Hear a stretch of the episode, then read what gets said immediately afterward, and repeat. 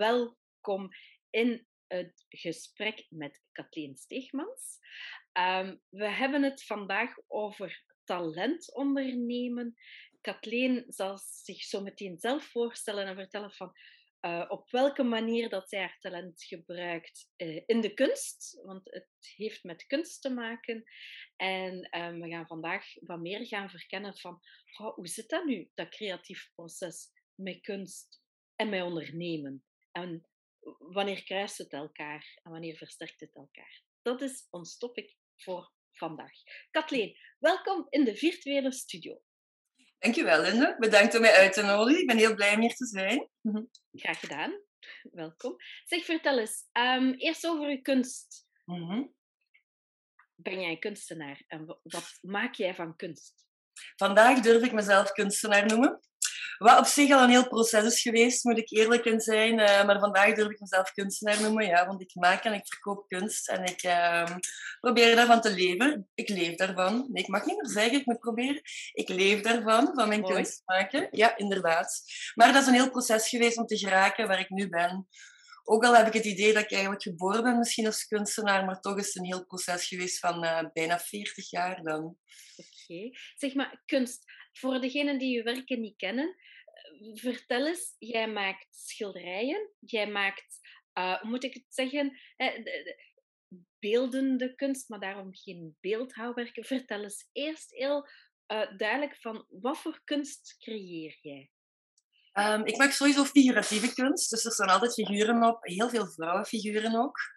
Um, ik werk inderdaad uh, aan schilderijen en ik werk met mixed media, want ik vind het leuk om heel veel verschillende materialen te gebruiken. Dus ik heb nu de laatste twee jaar heel veel focus gelegd op mijn werken met epoxyvernis. En dat is een heel dikke vernis, uh, waardoor dat je precies een glas voor, het, uh, voor een werk krijgt. Maar ik ga tussen de vernislagen in werken, waardoor dat er diepte in het werk komt. Oké. Ja. Ik, ik weet ook, ik ken een heel klein beetje van jouw werk. Ik weet dat je ook heel graag met goud. Heel veel goud. En glitter zit er ook heel veel in tegenwoordig. Uh, ja. Ik wil het met mijn werk. Ik maak ook werken echt voor mensen in huis te hangen. Dus je hebt verschillende types kunstenaars. Sommige mensen willen echt, uh, kunstenaars willen echt in een museum hangen of in een galerij hangen. Of... En ik heb zoiets van, ik wil kunst maken om bij mensen in huis te hangen. Mhm. Ik vind ook de interactie tussen kunstenaar en tussen kijker vind ik heel belangrijk.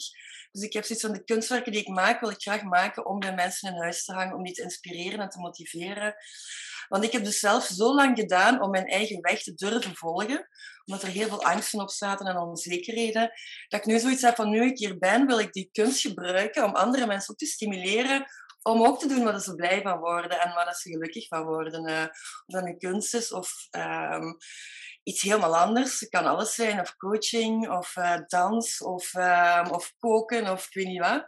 Hmm. Dat mensen gewoon doen waar ze blij van worden. En dat wil ik met mijn kunst uh, ook naar voren brengen. En zo wil ik andere mensen inspireren. Dus in mijn kunst, kunst ook heel veel dingen, lessen die ik zelf heb geleerd in het verleden, die wil ik dan in mijn kunst terugbrengen en naar voren brengen. Dus een vrouw die inderdaad op een ladder staat en die klaar is om, uh, voor een universum. En die vrouw is klaar om de ladder op te gaan, omdat het universum onbeperkte mogelijkheden heeft. En zo wil ik dat dan uitdrukken in mijn kunst. Oké, okay, je, je, vertelt eigenlijk al heel veel verschillende lagen. Mm -hmm.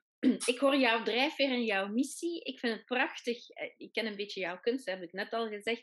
Uh, um, um, ik wil dat ooit in huis hebben, sowieso. Uh, ik ben een dochter van een, een schilder, uh, trouwens, die huisschilder was, maar dan vooral ook um, ja, tableautjes maakte en hm. vanuit landschappen en vooral een stukje imitatie. Hè. Die had altijd een afbeelding en die dan naschilderde. Ik ben jarig in december en ik hou van mijn vader zijn winterlandschappen en ik heb ze bijna allemaal. Oh, van de vier kinderen heb ik die winterlandschappen ja. geëigd uh, en, en toegeëigend. Was wat. Um, um, dus gewoon maar om, om mee te geven van kunst raakt mij. Mm -hmm. En zeker jouw kunst. Ik heb verschillende dingen gezien dat je denkt van wauw. En dan bedenk ik me, heb je mijn kunst al in het echt gezien? Nee, alleen via foto. Ja, want er zit een groot verschil tussen. Zeker met de manier waarop ik werk, is het heel moeilijk om mijn werken om die op foto weer te geven met die gelaagdheid en zo. En dan nog. En dan nog. Ik ben echt verliefd en, en uh, het is een van mijn ambities. Swat, um, wat wou ik nu eigenlijk zeggen? Dat je heel veel verschillende dingen vertelde, namelijk een stuk uw drijfveer, kunst dichter bij de mensen brengen en in de woonkamer, het inspireren van maak je dromen waar, doe waar dat je blij van wordt. En daar zit een groot stuk jouw, jouw persoonlijk verhaal achter, en waar dat we zeker ook uh, zo meteen dieper op ingaan. En je hebt gezegd van, ik leef van mijn kunst.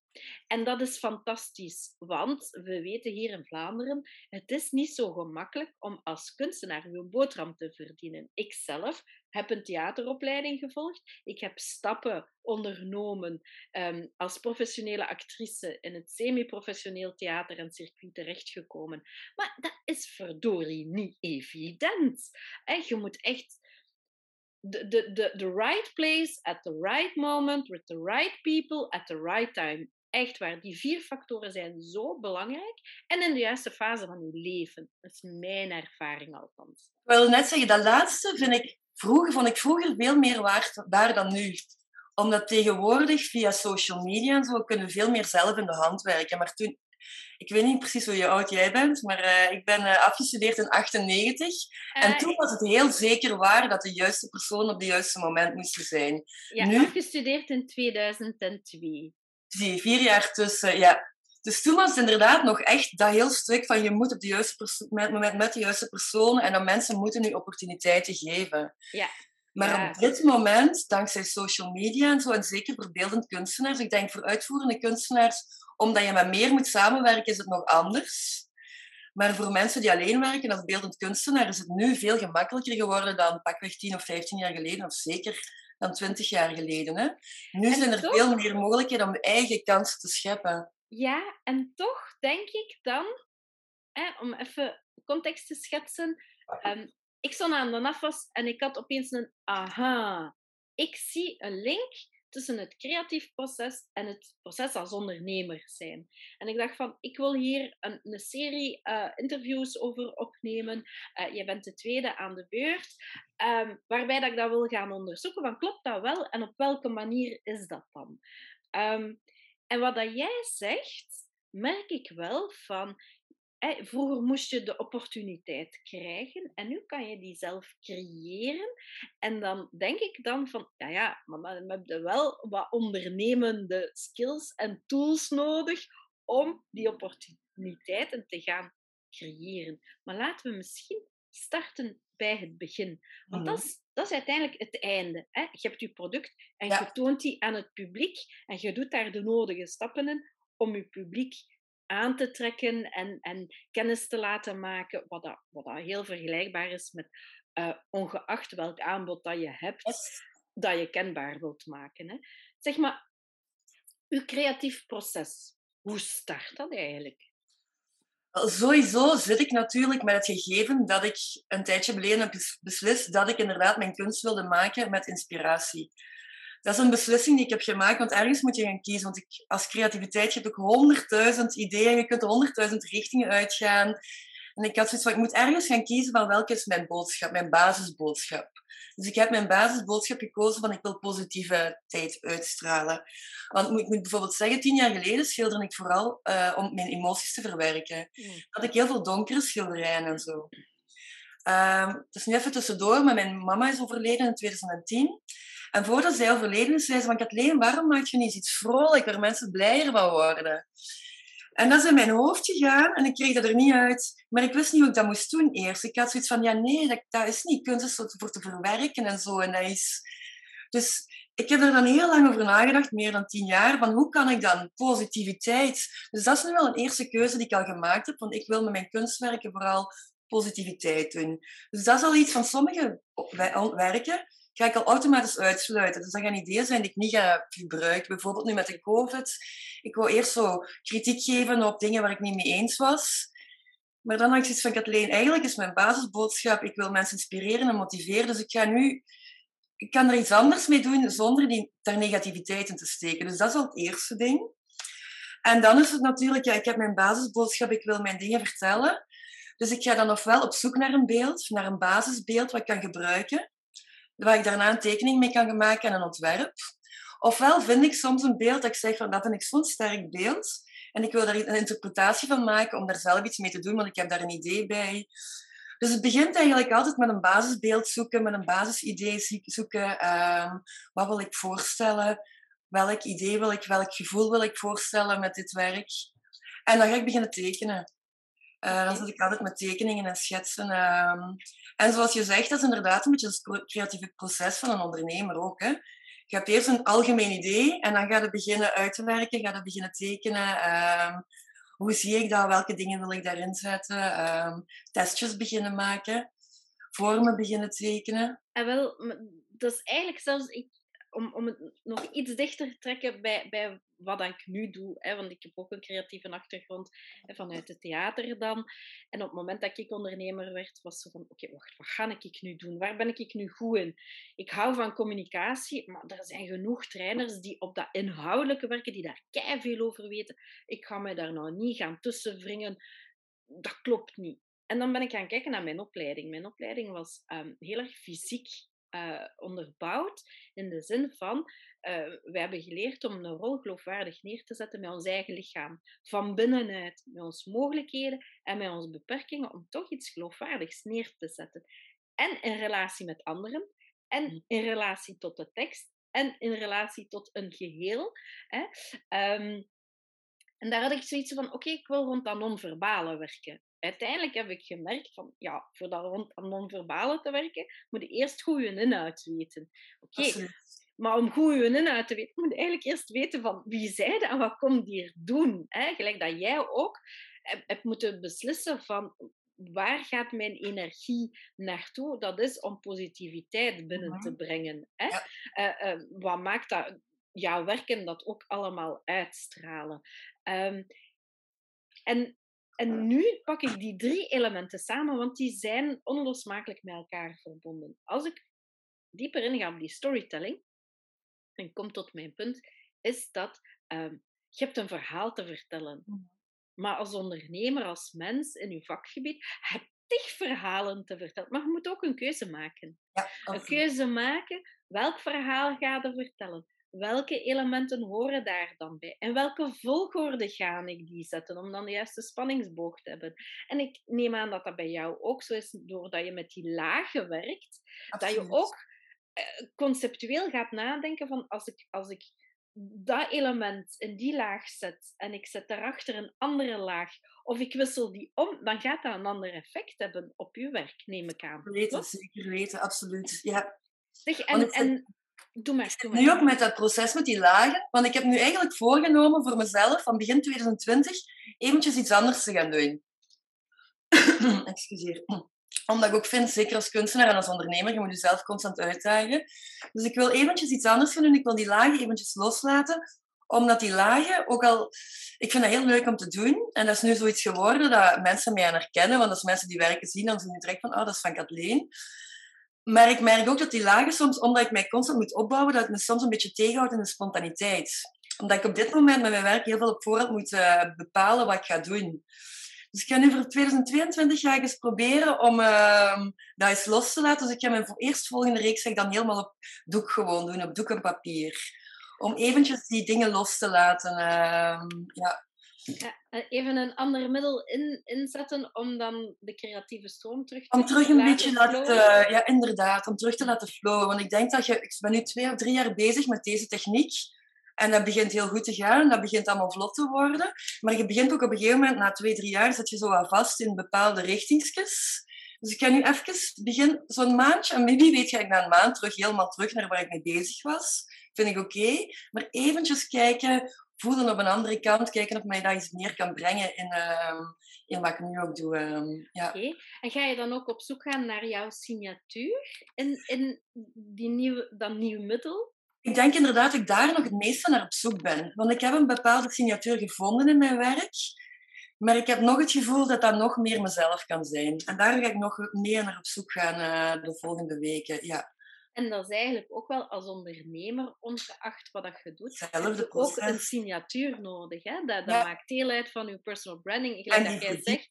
Die verdieping daarin zoeken. Van je bent ergens mee begonnen, dat is ergens een basis. En dan kun je verdieping zoeken. En verdieping zoeken, hoe kan ik dat nu verder gaan uitputten? Hoe kan ik daar nu verder ingaan? Dat dat nog meer mezelf word en dat nog meer bij mij past en uh, bij mijn potentiële klanten dan. Hè? Ja, klopt. Dat, dat is bij mij ook. Want ik kom uit... Eh, ik heb, ik heb um, theaterworkshops gegeven, bijvoorbeeld. Um, tot als mijn oudste zoon geboren werd, dan, dan ben ik een andere weg ingeslagen. Uh, maar dat is iets dat ik jaren gedaan heb. Daar zit een bepaalde signatuur in, ook van opbouw, uh, van methodiek en dergelijke meer. En, en nu kom ik zo op punt van, ik ben nu dikke twee jaar bezig. Um, Oké, wacht, ik weet wat ik kom doen als ondernemer. Ik weet wat ik, wat ik te brengen heb. En ik besef ook wat dat het effect is op de ander. Ik heb nog een aantal dingen te leren. Altijd. Sowieso, want Ik, heb, ik heb geen marketing of branding achtergrond. Dat is er niet. Terwijl die creatieve achtergrond. Mhm. En nu merk ik van, oké, mijn creatieve signatuur begint zich te gaan vermengen Um, waardoor dat er weer een wereld van ideeën openkomt. Hè. Binnen een paar maanden verhuizen we, is er een andere locatie, kan ik met, met kleinschalige groepen werken en die creatieve stroom begint te gaan. Nu, wat wil ik zeggen over mhm. die signatuur, is dat dat is ook een proces. Een proces, Zeker een verdieping. heeft ook een stuk te maken met je personal branding. Uh, met waar staat er nu voor? Wat past er bij mij? En als artiest ben je eigenlijk heel erg gefocust op dat soort proces, mhm. toch? Absoluut, zeker weten. Met die personal branding vind ik als kunstenaar soms wel een moeilijke. Omdat inderdaad, ik heb dan ook eerst een bedrijf gehad ik heb dan geleerd over personal branding en over uh, dingen uh, herkenbaar houden en zo. Maar als kunstenaar moet je zelf ook de vrijheid geven om los te blijven. Dus om daar een, een, evenwicht in te vinden, dat is nu iets waar ik nu bij aan het zoeken ben. Van hoe ver moet ik mezelf als kunstenaar loslaten om te experimenteren en te groeien? En in hoeverre moet ik zien dat ik uh, toch herkenbaar ben voor mijn publiek en zo, online en in dingen. Dus dat is nu zo'n evenwichtsoefening. ja. Ja. En tegelijkertijd, als je kijkt naar de grote kunstenaars en, en, en, en, en er wordt over hun werk gesproken doorheen de jaren, dan, dan spreken ze ook over fases of over evoluties of over uh, uh, periodes. Uh, Picasso, voordat hij aan zo'n cubisme terecht kwam, heeft hij ook van allerlei andere dingen gedaan, toch? Wel, het ding is inderdaad, Um, Picasso zien we natuurlijk pas, dat wordt pas achteraf gezien. Als het al allemaal klaar is, zien wij dat. Dan zien we die hele evolutie. Maar tegenwoordig, en dat is wel het nadeel van al die social media en zo. Want het voordeel is dat je heel direct kunt zijn. Je kunt direct bij de mensen komen, je kunt je werk tonen aan iedereen. Maar het nadeel is ook dat je constant toont en dat je daardoor soms um, te veel afhankelijk bent van wat je toont op dat moment. Vertel. Wat ik bedoel? Uh, ik denk soms, soms denk ik van, ik doe nu heel dikwijls van, ik ben een teken en schilder en ik deel op social media terwijl ik bezig ben. Mm Maar soms gaat je proces erdoor stoppen, omdat je al te veel aan delen bent en als het daarna dan niet lukt of zo, of je doet daarna toch iets anders mee, dan voelt dat alsof een beetje een beperking. En soms denk ik, als ik soms misschien zou wachten met delen, mm dat ik mij er vrijer in kan laten. Oké, hoor ik jou dan zeggen van de blik van buitenaf? Ja, is veel directer. Hè? Dus je krijgt ook, ik doe nu direct, als ik vandaag tien nieuwe werken maak, bij wijze van spreken, zoveel zijn er nooit ineens, en ik deel die, en de maand erop doe ik weer nieuwe werken, dat komt direct binnen bij mensen. Mhm. Terwijl het vroeger was dat meer dat mensen een collectie zagen over langere tijd. En daardoor natuurlijk zijn we ook zo opgeleerd, als, ik heb heel veel marketinglessen gevolgd, consistentie en dingen en zo. Maar als kunstenaar moet je dat juist kunnen loslaten. Dus daar zit nu ergens zo'n een disevenwicht in waar ik moet zoeken van hoe ga ik daar precies mee om. Oké. Maar is dat ook niet... Allee, ja, het creatief proces, dat is ook in die storytelling trajecten, zeg ik dan van, kijk, hè, je voorbereiding, je moet weten wat, wat dat je gaat vertellen, je, je zet je kader als auteur, je, je, je begint te brainstormen over je verhaalelementen, je zet die in een bepaalde opbouw en volgorde, en dan is het moment om het te gaan uitschrijven. Mhm. Maar dat uitschrijven, dat is een proces. Dat, dat, dat, komt niet altijd even vlot. En dat is ook keihard werken en tijd vrijmaken. Ja. Uh, uh, tijd inplannen. En met momenten nu een stukje eroverheen zetten om toch dingen op papier te zetten. Um, net zoals dat in een repetitieproces als acteur heb je soms een mindere dag, maar je moet er wel door, want je hebt een beperkte tijd dan en een deadline om dat stuk helemaal tot een goed einde te brengen dat klaar is voor het publiek.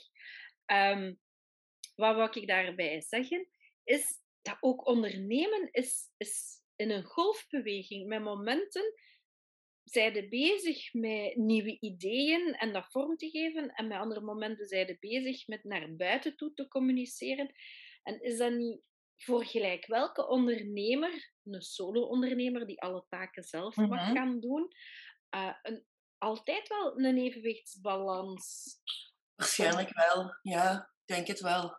Om tussen wat je zelf diep van binnen op die moment wilt doen en tussen de, de dingen naar, de, naar het buitenpubliek, hoe dat je naar het publiek hoe dat je overkomt. En dan moet er toch een beetje rekening mee houden. Hè? Want als je van, vandaag dit gaat doen en helemaal tegenovergestelde... Mensen moeten ook ergens een beetje die connectie kunnen hebben. Want als je te veel alle kanten uitgaat, dan, dan hebben mensen die connectie ook niet meer. Hè? Ja, die herkenbaarheid. Is dan die herkenbaarheid en ook die connectie inderdaad. Als ik morgen iets helemaal abstract ga doen en dan de week daarna terug iets helemaal, weet ik veel, met dieren en de week daarna iets met... Uh, dan is dat ook heel moeilijk voor mensen om die connectie te maken. Hè? Ja. Maar ik moet als kunstenaar natuurlijk mee oppassen dat dat mij niet tegenhoudt en mijn kunstenaar zijn. Uh, dus dat is een, ik vind dat een evenwichtsoefening uh, om daarin te zoeken. Ja. Ja, en ik denk dat er ook wel periodes zijn waar, dat, waar, dat, waar dat je gewoon als labo bezig bent, toch? Ja. Want vooraleer dat je effectief aan een kunstwerk komt, het eindresultaat, daar gaat toch gans proces nog aan vooraf. Absoluut, zeker weten. Vertel ja. eens wat meer over. Wel ja, nadat ik de tekeningen dan maak, dus ik maak altijd uh, tekeningen dan eerst. Ik, heb dan, ik doe dikwijls nog, op dit moment nog uh, foto's die ik vind. Dus ik ben nog op zoek naar beelden met bepaalde vormen, met bepaalde uitdrukkingen, met bepaalde uh, energie ik wil vanaf volgend jaar ook eigen foto's gaan maken, met modellen gaan werken. Maar dat is ook iets waar dat nog... Er komt zoveel eh, voorbereidingstijd mee bezig dat ik dat nog helemaal aan het opstellen ben. Maar dan ga ik dus tekeningen maken. En die tekeningen, als ik die gemaakt heb, dan hang ik die ergens op in mijn atelier. En die blijven dan even hangen om te kijken van welk beeld is nu het beeld dat mij het meeste eh, aanspreekt. En dan een van de tekeningen die erop hangt, ik heb hier nu bijvoorbeeld negen ophangen, hier rechts van mij, en hetgene dat er het meeste uitspreekt, daar ga ik dan mee aan de slag. En dan ga ik kijken van welke kleuren kan ik daarin toevoegen, uh, welke diepte zou ik daarin kunnen, kunnen toevoegen. Wil ik daar met tekst werken, wil ik daar met uh, goud werken of met glitter? Of, uh... En als dat bepaald is, dikwijls ook op de computer wel, voor deze werk, omdat het die lage opbouw zijn, dan kan ik al eens kijken van hoe zou het eruit zien als ik dat zo opbouw. En dan begin ik aan het proces. Dan begin ik op een houten plaat. Uh, dat ik meestal, het hangt er ook vanaf, want ik ben nu zo aan het experimenteren met die technieken. Soms begin ik te tekenen op een houten plaat en te schilderen. Uh, dan doe ik die lage epoxy erover. Dan moet dat afgeschuurd worden. Want als dat afgeschuurd is, kan ik op die nieuwe laag terug iets doen. En dan ga ik op die nieuwe laag terug iets doen. Dan ga ik terug tekenen, schilderen. Een nieuwe laag epoxy erover. Um, en op die manier ga ik een beeld helemaal opbouwen. Maar er komt eigenlijk toch wel wat denkwerk bij kijken. En Best wel. Daarom inderdaad dat ik ook zeg van ik wil nu bij de volgende maand eventjes die vrijheid geven om dat los te laten en terug helemaal in het vrije creëren te gaan. Want het proces dat ik nu voor mezelf heb opgebouwd, ik vind dat heel tof om te doen. Ik vind dat een heel mooi resultaat. Maar het geeft inderdaad heel veel... Uh, ik moet wel rekening houden met technische zaken ook, hè? Ja. Ja. Ja, en dat is ook zo met ondernemen. Hè. Als je bijvoorbeeld een mailingcampagne wilt gaan opzetten, hè, je moet ook nadenken van welk doel wil ik bereiken, wat ga ik dan vertellen, hoe ga ik die mails gaan opbouwen, welke techniek ga ik daarvoor gebruiken, welke middels ga ik daarvoor gebruiken. En ja, dat is niet altijd evident. Maar en dat is ook niet altijd rechtlijnig. Nee, voilà, voilà. Want voor de ene keer is, is het makkelijker dat, voor de andere keer is het makkelijker dat. Ik merk ook van, ik ben keihard makkelijk op sociale media, kort en bondig. Dat is ook mhm. gewoon meer mijn stijl. Maar ik besef dan ook van, ja, maar er zijn wel mensen die een uitgebreidere input wensen. En dan ben ik daar dan de laatste tijd mee gaan experimenteren met oké, ik ga een, een, een, mailing opstellen. En hoe werkt dat dan? En, maar doordat ik een duidelijk kader heb um, en kapstokken heb gekregen, komt die inspiratie en die flow ook om te schrijven. Absoluut. En, en als je dingen niet weet, is het belangrijk om eerst die kennis op te vangen om van daaruit terug je flow te vinden. En dat is ook wat ik jou hoor zeggen. Van, hè, je, je bent heel erg bezig geweest met, met, met je signatuur en een bepaalde techniek en methodiek. En, en nu is het tijd om terug je flow te vinden, om, om weer met nieuwe dingen te gaan experimenteren, om dan, om, om, om dan weer ja, dat in een kader te kunnen gaan zetten en daar weer een vrijheid in te gaan vinden.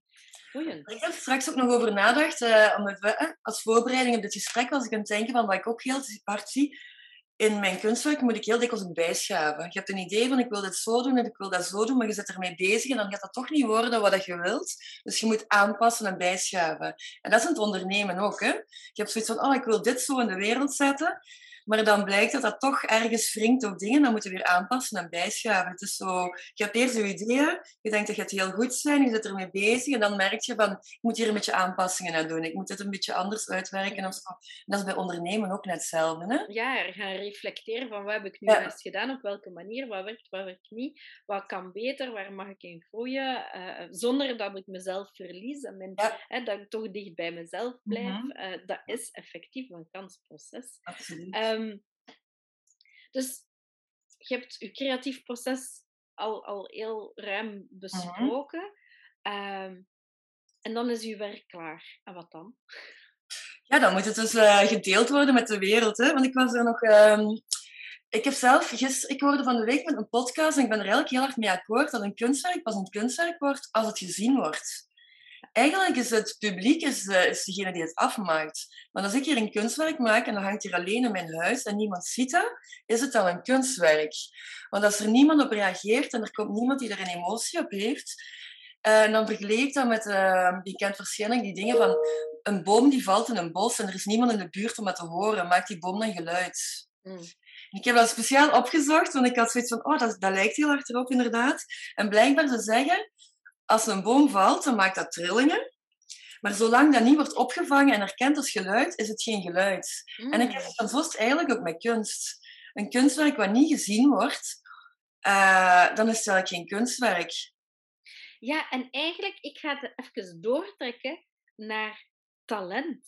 Mm-hmm. Als talent niet gezien wordt, dan kan het ook niet als talent beschouwd worden. En waarom zeg ik nu dat woord? Omdat hè, als, als, als kunstondernemers, hè, of ondernemers met een kunstige achtergrond.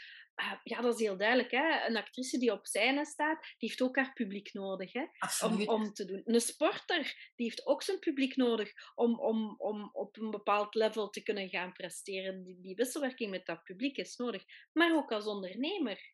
Zeker. Als uw aanbod er is, en zeker als het vanuit uw talent is, wat dat vaak nog, nog wat meer teweeg brengt van, ja, maar dat is toch vanzelfsprekend? En wie zit daar nu op te wachten? En gaan ze dat wel willen betalen? Mm -hmm. Dat weet ik allemaal. Omdat dat zo van uzelf is en zo dicht bij uzelf is, omdat u intrinsiek of, of aangeleerd talent is. Mm -hmm. Als je het niet naar buiten brengt, als je niet aan de wereld verkondigt van, hey, dit heb ik voor u en dit kan het voor u betekenen, ja, dan heb je, ook thuis te wachten, hè? Ja. U bellen, dat gaat ook niet nee, gebeuren, hè? Inderdaad.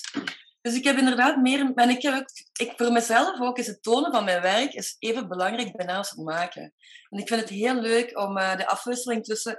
Ik ben ook iemand, ik zit heel graag alleen, lang alleen. En dat is ideaal voor mijn kunst. Maar dan heb ik die afwisseling nodig, dan ineens wil ik heel veel mensen zien.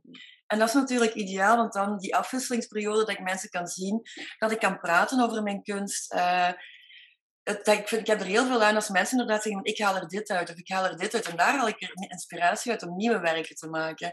Dus sowieso, het delen met mensen en het laten zien is voor mij een even groot deel van het proces als het maken zelf. Dat is natuurlijk ook wel voor elke kunstenaar een beetje anders. Hè? Want je hebt kunstenaars in honderd verschillende manieren. Maar voor mij persoonlijk is het delen en het laten zien even belangrijk als het maken zelf. Zeg, en wat, wat heb jij te doen om jouw publiek naar jou toe te laten komen? Wel, dat is dus een keuze die ik heb gemaakt als kunstenaar, dat ik inderdaad uh, mijn eigen kunst wil verkopen. Ik werk ook al met een galerij samen voor een deel van mijn werk.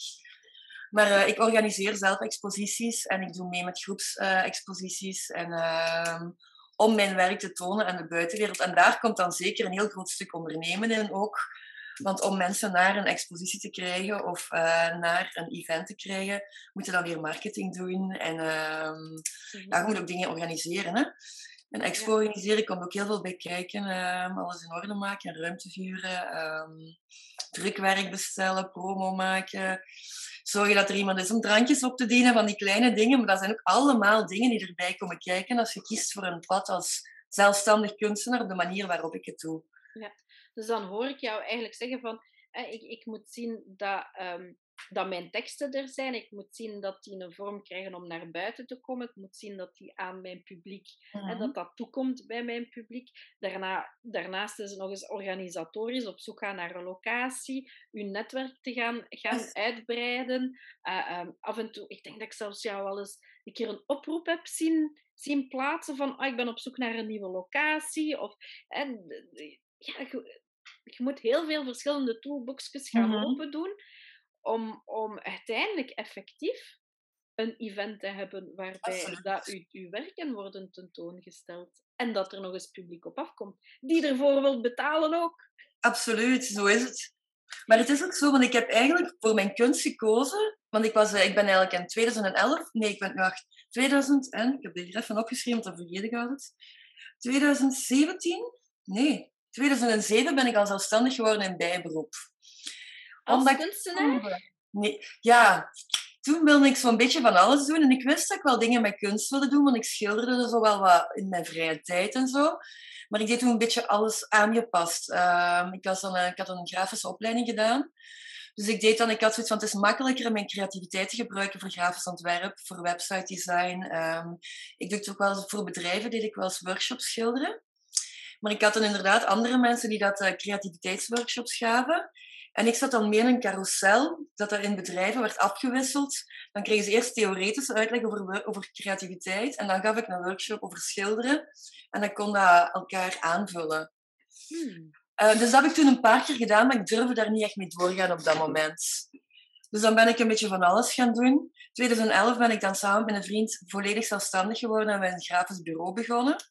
Maar ik kende helemaal niks van ondernemen, dus dat was een beetje zo natte vingerwerk en een beetje van zien en doen en een beetje proberen. En, uh, dus uh, dat liep allemaal wel. We waren heel veel aan het werken en we verdienden eigenlijk heel weinig geld. Dus zijn echt dingen veranderd. Ja, het geluid is heel even weggevallen. Dus ah. Uh, jullie waren hard aan het werken en verdienden weinig geld en toen was er even een hapering. Ja, en dan ben ik, uh, ja, Lien de Pauw, die kende ik al langer, maar dan ben ik bij Zeker van haar zaaknetwerk gekomen. En daar begon ik te zien van mensen die zeiden van wij doen graag wat, doen wat we graag willen doen en we verdienen er geld mee. Mm. Voor mij was dat heel raar, want in mijn hoofd, mijn ouders waren ook zelfstandig geweest, had ik zoiets van zelfstandigen, heel hard werken, weinig verdienen. Dus ik had zoiets van ik zit erin, ik ben ermee bezig en zo is het. Het is pas door Lien dingen dat ik begon te merken van oei, het kan ook anders. En dan ben ik bij Petra Mertens, heb ik dan een half jaar uh, opleiding gevolgd, marketing en mezelf in de wereld zetten op ons bedrijf. En daar zijn mijn dingen beginnen, beginnen klikken. Hoe dat ik mezelf in de wereld moest zetten, hoe dat ik mezelf moest promoten, hoe dat marketing eigenlijk überhaupt gewoon werkt. Dat heb ik toen allemaal geleerd. En nadat ik dat geleerd had, had ik zoiets van, ja, maar waarom kan ik dit dan niet toepassen voor mijn mm. kunst? Ik heb dit nu allemaal geleerd en ik zou dat toepassen voor mijn bedrijf. Maar dat bedrijf is eigenlijk, dat zijn dingen die ik doe omdat ik denk dat dit de enige mogelijkheid is om geld te verdienen. En dan zijn bij mij dingen beginnen draaien. En dan pas ben ik beginnen langzaamaan beginnen durven kiezen voor kunst. Omdat ik eigenlijk een mechanisme had gevonden dat ik zoiets had van... Nu zie ik mogelijkheden hoe dat ik daar inderdaad geld mee kan verdienen. Voor 2015, voordat ik geleerd had over marketing en zo, zag ik die mogelijkheden niet had ik zoiets van kunst is tof en plezant en zo, maar hoe kunnen we daar in hemelsnaam ooit iets mee verdienen? Ja, vaak is er zo, je moet dan een Jan Hoed zijn. Hè, en kunst, eh, kunstenaars, dat zijn de happy few. Of je verdient eraan als je gestorven bent. Ja, inderdaad. maar dat willen we natuurlijk niet. Dus, uh, maar mijn ogen ook op de kunstwereld in het algemeen zijn nu pas aan het opengaan. Want ik had ook zo bepaalde ideeën over de kunstwereld en over hoe kunst in elkaar zit. Het is eigenlijk pas Terwijl ik, ik ben afgestudeerd als kunstenaar zoveel jaar geleden. Maar dan ook jaren erin en eruit en erin en eruit. Ik begin eigenlijk pas nu te werken hoeveel paden er eigenlijk zijn in een kunstenaarsbestaan. Want ik doe het nu op mijn manier, maar je kunt nog zoveel andere manieren doen om, eh, om van kunst te gaan leven. Hè? Ja. Je kunt inderdaad met een heel grote galerij werken. Zo zijn er niet veel in België. Uh, maar dat is ook een mogelijkheid. Hè? Maar dat is een heel ander parcours en daar gaat je op een heel andere manier mee om dan ik er nu mee omga. Ja, en dan heb je waarschijnlijk ook een heel ander soort netwerk. Absoluut. Dat is een totaal andere wereld. Dat is een totaal andere wereld. Uh, want heel veel mensen vragen ook aan mij van... Ah, heb je dan een galerij? Ik heb nu wel een galerij waar ik mee samenwerk. Maar als je nog niet met, met een van de grote van België, en zo zijn er uiteindelijk maar een 20, 30 tal, dan gaat die galerij niet kunnen voorzien in hun levensonderhoud volledig. Mm. Mensen hebben dikwijls zoiets van, ah, je hebt een galerij, die gaat voor jou verkopen en dan is alles afgelost. Moet je alleen nog maar kunst maken. Ja, ik wou dat het zo gemakkelijk ging, maar zo gemakkelijk gaat het dus niet, hè? Nee.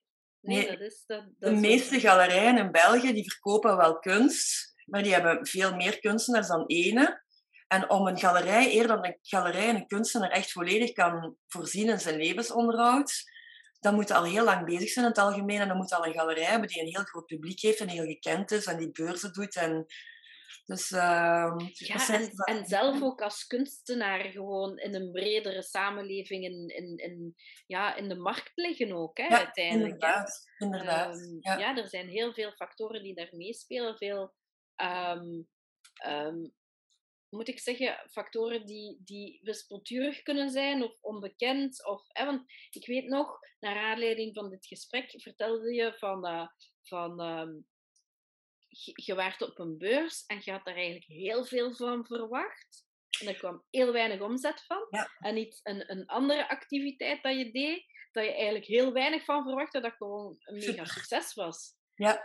Dus, dus die onvoorspelbaarheid, moeten daar ook mee rekening houden. En zeker in, in de huidige tijd dat we leven van heel veel maatregelingen en versoepelingen en verstrengingen enzovoort. Ja. Ja, met hele corona-dingen heb ik heel veel gemist. Gemerkt inderdaad hoe zeer ik ook die connectie met mijn publiek nodig heb. Want ik heb heel weinig mijn werk kunnen tonen en heel weinig uh, tentoonstellingen kunnen doen.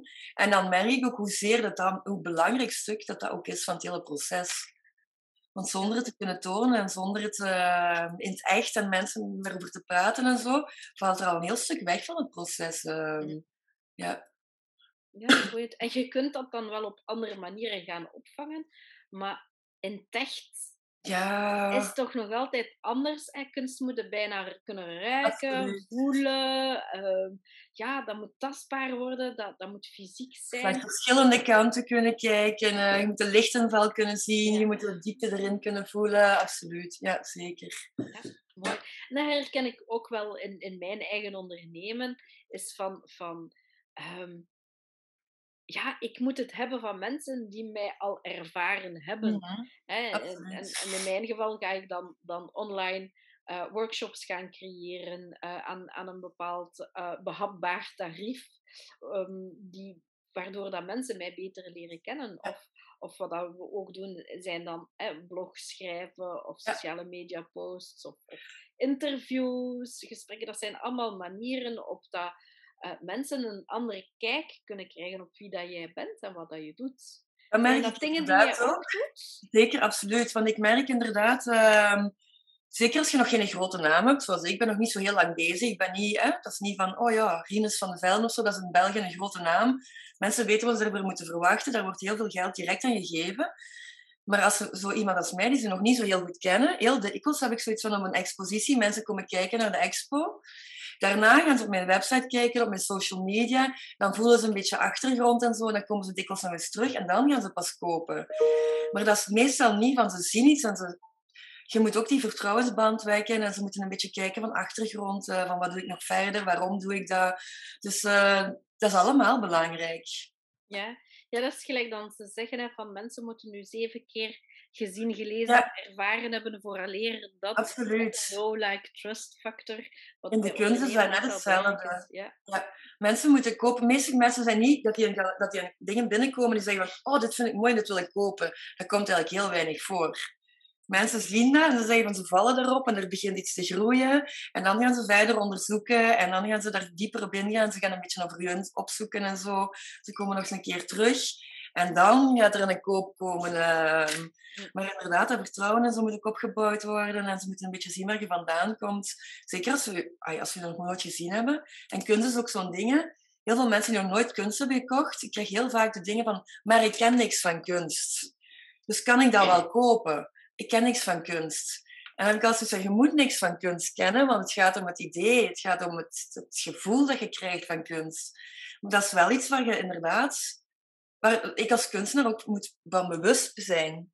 En mensen daarmee helpen met dat proces, om ze ook uh, op een gemak te stellen van, het is oké om dit te kopen. Snap je wat ik daarmee bedoel? Ja, ja. ja, en, en je hebt natuurlijk kopers die, die kunst willen kopen als investering. Mm hè, die denken dan van, ah, binnen zoveel jaar gaat het mij meer opbrengen. Hè? Ja, je hebt zo van die ja, verzamelaars. Ja, inderdaad. Maar je hebt ook ja, voor, voor het decoratieve aspect. Hè? Allee, om het een beetje plat uit te ja, De Ikea heeft ook zo van die foto's op canvas. Absoluut. Ja, er zijn ook mensen die dat kopen om in hun living te hangen. Maar ja... En dat is ook begrijpbaar, want ja, niet iedereen heeft nog niet direct de budgetten ook niet voor een origineel werk te kopen en zo. Hè?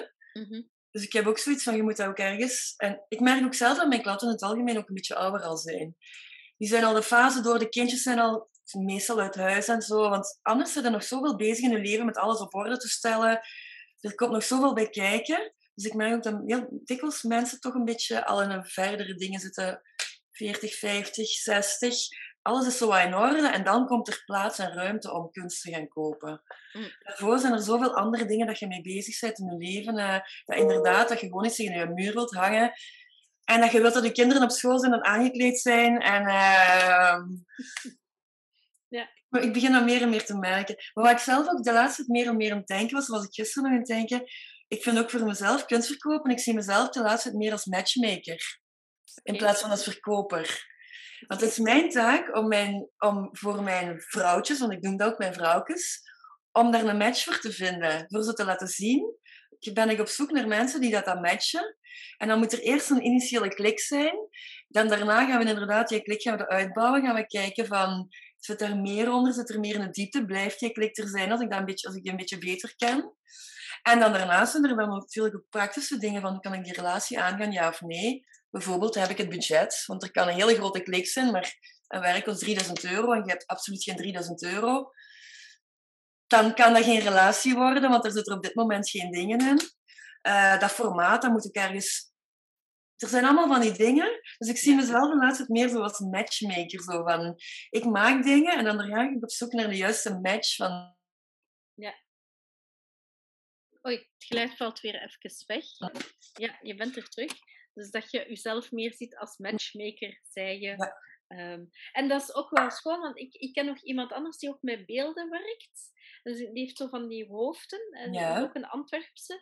En, um, en die gaat ook op zoek naar zo die matchen. Zo, ja. Waar hoort het beeld thuis? Inderdaad, inderdaad. En, en, ja, dat is ook wel een, een andere manier om, om kunst te gaan benaderen. Hè? Ja. dat is iets wat pas nog in mijn hoofd samenkwam. Ik, was iets van, ik was altijd aan het denken van luxe verkoop, ook voor mijn verkoop en zo ik heb dan heel veel dingen gelezen over luxe verkoop. hoe verkoop je luxe producten? Want uiteindelijk kunst is iets wat mensen niet per se nodig hebben. Dus hoe ga je dan mensen overtuigen om iets te kopen? En dan heb ik al die dingen geluisterd en ik zei van ja, maar het is nog wel altijd anders dan een luxe product. Kunst is niet, kan ik niet vergelijken met een chacoche van Delvaux. Hè? Hm. Een chacoche van Delvaux, daar geven mensen heel veel geld uit en uit. Maar dat is ook omdat dat zo'n grote naam heeft, maar dat wordt uiteindelijk ook met duizenden gemaakt. Dus dat is geen uniek stuk, maar mensen hebben wel die neiging om daar 5000 euro aan uit te geven. Dus dat is een heel, eigenlijk is dat een heel ander gegeven, begin ik nu pas te beseffen. En daarom dat ik nu die link heb met dat matchmaken. Dat inderdaad dat het meer is een matchmaking proces dan een luxe verkoopproces waar ik in zit. Uh, ja, de juiste persoon vinden voor het juiste werk en die klik en dan je klik onderbouwen en dan zien hoe ver dat we dat kunnen mee gaan. Hè? Ja, en dan maakt het ook wel uniek hè, voor jou om, om het op die manier te benaderen. En ga er nog meer uw, uw, uw, ja, uw uniek selling point, gelijk dan, dan zeggen, in de markt gaan zetten. En, en mensen die er op dezelfde manier naar, naartoe kijken, gaan ook meer aangetrokken worden. Dus hoe, hoe helderder dat voor jezelf is, um, hoe helderder dat voor een ondernemer is, hoe duidelijker ook dat die boodschap naar buiten kan en, en, en kan binnenkomen bij degene die, die daar voeling mee heeft met dat soort, ehm, ja, soort manier van kijken naar kunst of mhm. naar een aanbod. Schoon. Zeg, um, heb jij nog een tip voor uh, talentondernemers of kunstondernemers? Ja, sowieso zou ik zeggen van verdiep je een beetje in marketing. Hè? Dat, is, dat is denk ik het belangrijkste. Nou zeker in deze tijd als je zegt van ik wil echt iets met mijn kunst doen. Een beetje basiskennis van te weten hoe dat je jezelf verkoopt, hoe dat je jezelf in de wereld zet. En dan ook niet wachten op opportuniteiten, maar ze zelf maken. Hm. Ik ken zoveel mensen die wachten tot ze uitgenodigd worden voor een galerij of voor een expo of zo, maar gewoon zelf actief op zoek gaan naar je kansen en je opportuniteiten. En uh, als je ze niet vindt, want ik was in het begin ook, mijn kunst is helemaal anders dan veel kunstenaars. Iets waar ik in het begin heel veel schrik van had, want ik vond, ik vond dat erg dat ik nergens tussen paste. Ik deed bijvoorbeeld heel veel aanvragen om tentoonstellingen te doen. En ik kreeg dikwijls het antwoord dat ik te weinig kunstig was. Mijn werk is eerder grafisch, hè. Dus mhm. zo schilderachtigen of zo, in die groepsentoonstellingen werd ik niet opgenomen. Ik vond dat heel lastig. Nu pas begin ik te beseffen van dat dat juist een groot voordeel is, want ik ben uniek. Ik pas niet zo makkelijk in dat doosje, dus ik begin dat nu als een voordeel te zien in plaats van als een nadeel. Maar dan ben ik inderdaad, dan heb ik gezegd van, ik, ik huur zelf een ruimte. Hè. Ik ga zelf een maand een pop-up gallery doen in plaats van te wachten van, nee, ze willen mij er niet bij, maakt niet uit, dan doe ik zelf iets. Hè. Ik ga het zelf organiseren, ik ga zelf mijn tribe zoeken, samen met een paar mensen. Uh, en dan doen we het zelf. En dan vind ik op die manier mijn publiek. Ja, dus vooral uh, blijven gaan en blijven zoeken naar oplossingen en naar mogelijkheden. En, en je niet afhankelijk stellen van andere mensen. Als andere mensen niet willen meedoen of ze zien het nog niet op dat moment, dan gewoon je eigen opportuniteiten maken. Je kunt altijd eigen dingen maken. En, en als het mislukt, blijven doorgaan. En opnieuw proberen en opnieuw proberen en niet opgeven. Ja, uiteindelijk, hoeveel pogingen heeft Edison nodig gehad om de, om de gloeilamp uit te vinden? Inderdaad, inderdaad. Ik merk ook heel veel mensen die inderdaad zo in de creatieve sector, die het dan eventjes proberen en die dan terug opgeven. Mm. Ik ben nu ongeveer drie jaar, ja, 2019, 2018 heb ik gezegd, ik wil echt voor mijn kunst gaan. Maar dan had ik nog heel veel klanten van ons grafisch bureau. Die ben ik dan beginnen afbouwen. Dus ik zie mezelf als vanaf 2019 zie ik mezelf als fulltime kunstenaar. Maar ik moet zeggen, vorig jaar met de hele corona-dingen en zo, en zelfs dit, begin dit jaar, mm. was het echt verschrikkelijk moeilijk, omdat ik niet kon tentoonstellen, ik kon die connectie niet maken, dus ik kon bijna niet verkopen.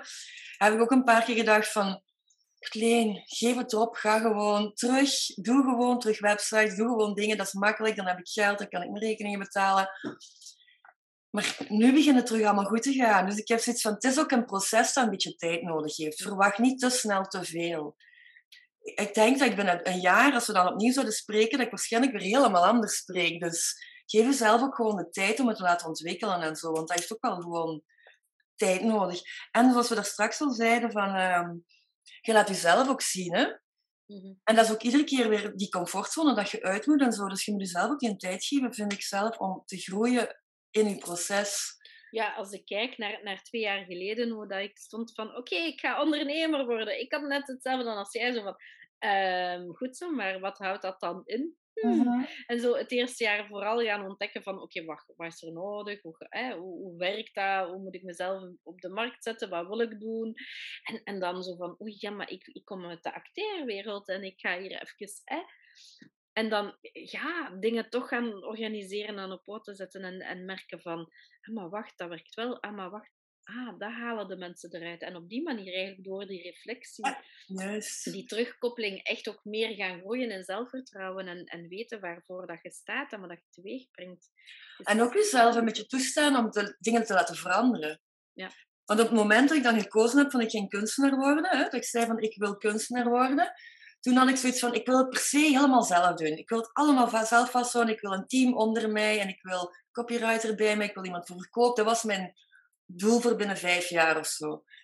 Nu dat ik erin zit, merk ik van, eigenlijk is het toch wel handig, de galerij waar ik mee samenwerk. Want mijn werk hangt daar constant. Er kan constant mensen komen kijken. Zij helpt mij ook. Zij doet ook een deel van de verkoop. Dus nu, ondertussen heb ik zoiets van, ik wil naar de toekomst zeker nog een deel van mijn eigen verkoop doen.